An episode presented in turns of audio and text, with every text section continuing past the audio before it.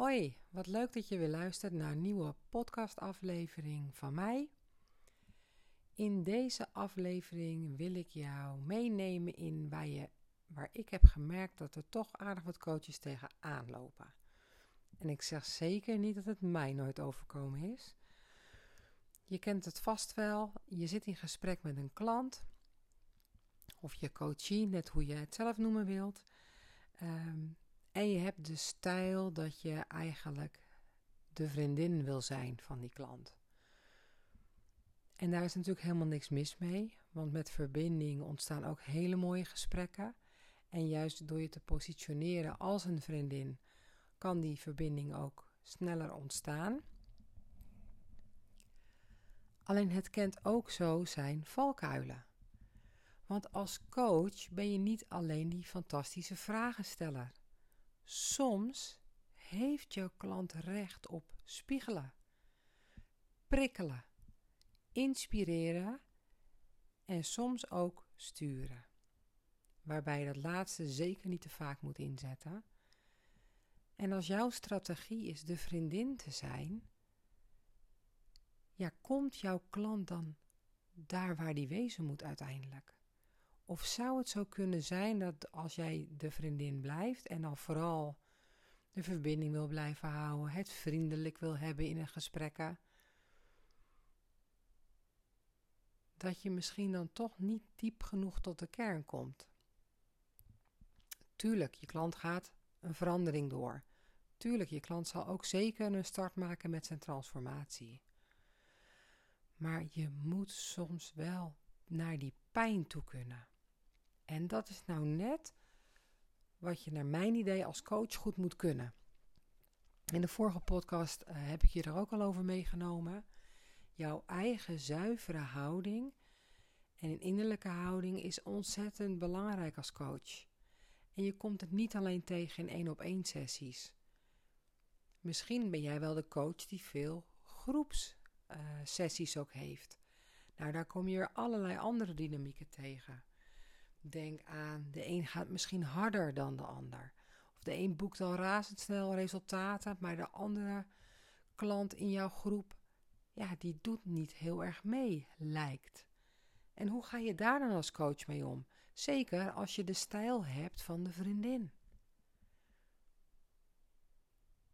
Mijn advies, en in dit geval kies ik dan even voor het advies, uh, omdat ik nu zelf de rol even aanneem als mentor. Kijk eens naar welke rol jij inneemt. En waar komt die vandaan? We kennen het allemaal wel. Alles wat in ons verleden is gebeurd, heeft ons gevormd tot waar we nu zijn. En dat geldt ook voor jou. Dat geldt ook voor mij. Om je een idee te geven, en dan ga ik heel eerlijk met je zijn. In een van de eerdere podcasts heb ik verteld dat ik een heel lang pestverleden heb gehad. En dat zorgt er bij mij nu nog steeds voor dat ik getriggerd kan worden als ik merk dat een, dat een klant van mij het zwaar heeft of oneerlijk behandeld wordt. Uh, dat kan zijn door de leidinggevende, dat kan zijn door een partner. Ja, als dat bij mij overkomt als een soort pesten, dan ben ik geneigd in de redderrol te schieten. Maar ja, daar schiet mijn klant natuurlijk helemaal niks mee op. Maar doordat ik dat van mezelf weet, kan ik daar veel beter mee omgaan. Sterker nog, ik heb onlangs een klant gehad waarbij ik dat ook heb verteld. Ik zeg: Goh, ik merk nu dat ik heel erg in een redderrol wil schieten, maar daar ga ik jou niet mee helpen. Dus dat ga ik ook niet doen. En door de levenservaring die ik ondertussen heb opgedaan en doordat ik de triggers van mijzelf behoorlijk goed ken en ook steeds de volgende laag weer opzoek, want ik ben ervan overtuigd, je bent nooit uitgeleerd. Ook niet als coach. De coach die tegen mij zegt, ik ken alles al, ik weet alles al, ik heb niets meer te ontwikkelen, die heeft in mijn ogen het meest te ontwikkelen. Want je bent gewoon nooit uitgeleerd. En als jij als coach de ogen van de leerling kan blijven hebben, constant kan blijven kijken naar hoe doet iemand anders het? Hoe kan ik daarin nog beter worden? Hoe kan ik ervoor zorgen dat de unieke skills die ik heb en die heel goed bij mij passen, dat ik die zo inzet dat mijn klanten de grotere veranderingen doormaken. En misschien lukt het je dan zelfs wel moeiteloos. Daar ben ik heilig van overtuigd. Dus als jij voor jezelf herkent dat je als coach vaak in de vriendinnenrol schiet en het daardoor ook gezellig wil hebben en vooral die verbinding wil hebben, ben jij je dan ook van bewust dat je misschien in de please-rol schiet? En kun jij op dat moment dan even goed in staat zijn net die prikkelende vraag te stellen, waardoor jouw coach-klant de eigen verantwoordelijkheid weer neemt? En zelf tot inzicht komt voor dat volgende stapje. Tuurlijk, jij bent die safe space voor jouw klant, net als ik dat ben voor mijn klanten. En dat is hartstikke goed. En dat, en dat realiseer je ook met verbinding, met empathie maar ook hier kom ik toch weer met het, nou, het zinnetje wat ik al vaker in mijn podcast heb gezegd. Het is ontzettend goed dat je verbonden bent. Maar je moet niet gehecht raken aan de resultaten van je klant, de gedachten van je klant, de woorden van je klant. Want dat brengt jou niet verder en jouw klant al helemaal niet. Dus ik ben eigenlijk wel benieuwd. Hoe doe jij dat? als coach. Hoe ik het in elk geval doe, is voor mijzelf mijn blinde vlekken echt wegnemen. Ik ben nog steeds actief in diverse trainingen. Ik heb net een anderhalfjaarsprogramma afgerond. Uh, dat is dan op de basis van de lean filosofie, maar er zit ontzettend veel gedragingen in en leiderschap. En ook ik heb het afgelopen jaar weer een transformatie doorgaan. ook ik heb mijn eigen valkuilen. En elke kwaliteit kent zijn valkuil. Dus die van jou waarschijnlijk ook.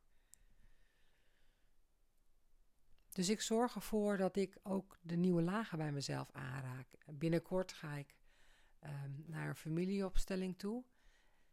Omdat ik gewoon weet dat ik altijd weer een laagje dieper mag. Dat helpt mij in het zuiver blijven en het helpt mij in het houden van een innerlijk zuivere houding naar mijn klanten. Ik sprak vandaag ook met een coach die ook aangaf: ja, tuurlijk. Ook ik ben bezig met mezelf te ontwikkelen en mijn bedrijf te laten groeien. Maar de bewustwording op hoe ik coach. Ja, ik word nu vooral goed geholpen met mijn bedrijf uit, uitbouwen. En maar hoe zit dat dan straks als mijn bedrijf groter wordt? En nu ik dat zo zeg, denk ik, daar ga ik ook nog een podcast over opnemen. Wat, wat nou inderdaad, als jij als coach merkt dat jouw bedrijf groeit. Ja, hoe hou je dan een relatie in stand met je klanten? Maar daar ga ik een volgende keer over verder, want anders wijk ik af. En uh, dat helpt jou ook niet in het luisteren van deze podcast. Dus, coach, die de rol van de lieve vriendin aanneemt ik weet zeker dat jij een kei bent in het aanbrengen van die verbinding. Maar ik weet ook zeker dat je jezelf door die rol aan te nemen misschien kleiner houdt dan je hoeft te zijn. Want is het misschien zo dat je dat doet omdat je vooral aardig gevonden wil worden door je klant? En hoe zou het voor jou zijn als je wel die verbinding hebt, die betrokkenheid voelt maar ook die onthechting hebt aan het resultaat. En ook de onthechting hebt aan de doelen die jij wil realiseren, maar dat je er echt bent voor jouw klant. Mocht jij je nou herkennen in dit stuk, dat je denkt, ja, inderdaad, ik heb toch de neiging om mijzelf als vriendin op te stellen. Ehm, en het zou goed zijn als ik mezelf misschien af en toe ook wat vaker als rolmodel neerzet, als expert of als mentor. Als je dat herkent en je hebt die behoefte, dan weet ik zeker dat ik jou heel goed kan helpen. Dus laten we dan gewoon een keer afspreken. Dan plannen we gewoon een call in, dan verkennen we met elkaar. Het kost je een half uur van je tijd. Je krijgt van mij gegarandeerd een inzicht waar je weer verder mee kunt. En waardoor jij misschien nog makkelijker die transformaties bij je klanten realiseert. Waardoor klanten eerder geneigd zijn weer bij jou te verlengen, omdat jij ze zo goed geholpen hebt. En dat gaan ze misschien ook wel tegen hun vrienden, vriendinnen, partners, zakenpartners, collega's vertellen. En dan zou het zomaar kunnen zijn dat jouw effect ook gewoon groter wordt. Jouw impact wordt groter en daarmee uiteindelijk ook je bedrijfsresultaat. Als jij nou denkt, dat klinkt wel fijn, dat wil ik wel, kijk dan vooral even in mijn show notes. Daar vind je de link naar een call. Ehm, en je vindt ook de link naar mijn Instagram-account als je eerst nog wat meer wil weten over wie Ellen nou eigenlijk is. Ik dank je voor nu voor het luisteren. Ik hoop dat ik je met deze call, met deze call, moet je mij nou horen, met deze podcast, uh, iets wakker bij je heb gemaakt. Dat ik je iets ter overweging heb gegeven. En ik wens je een ontzettende fijne dag, middag of avond, net wanneer je hem natuurlijk beluistert. Tot de volgende keer.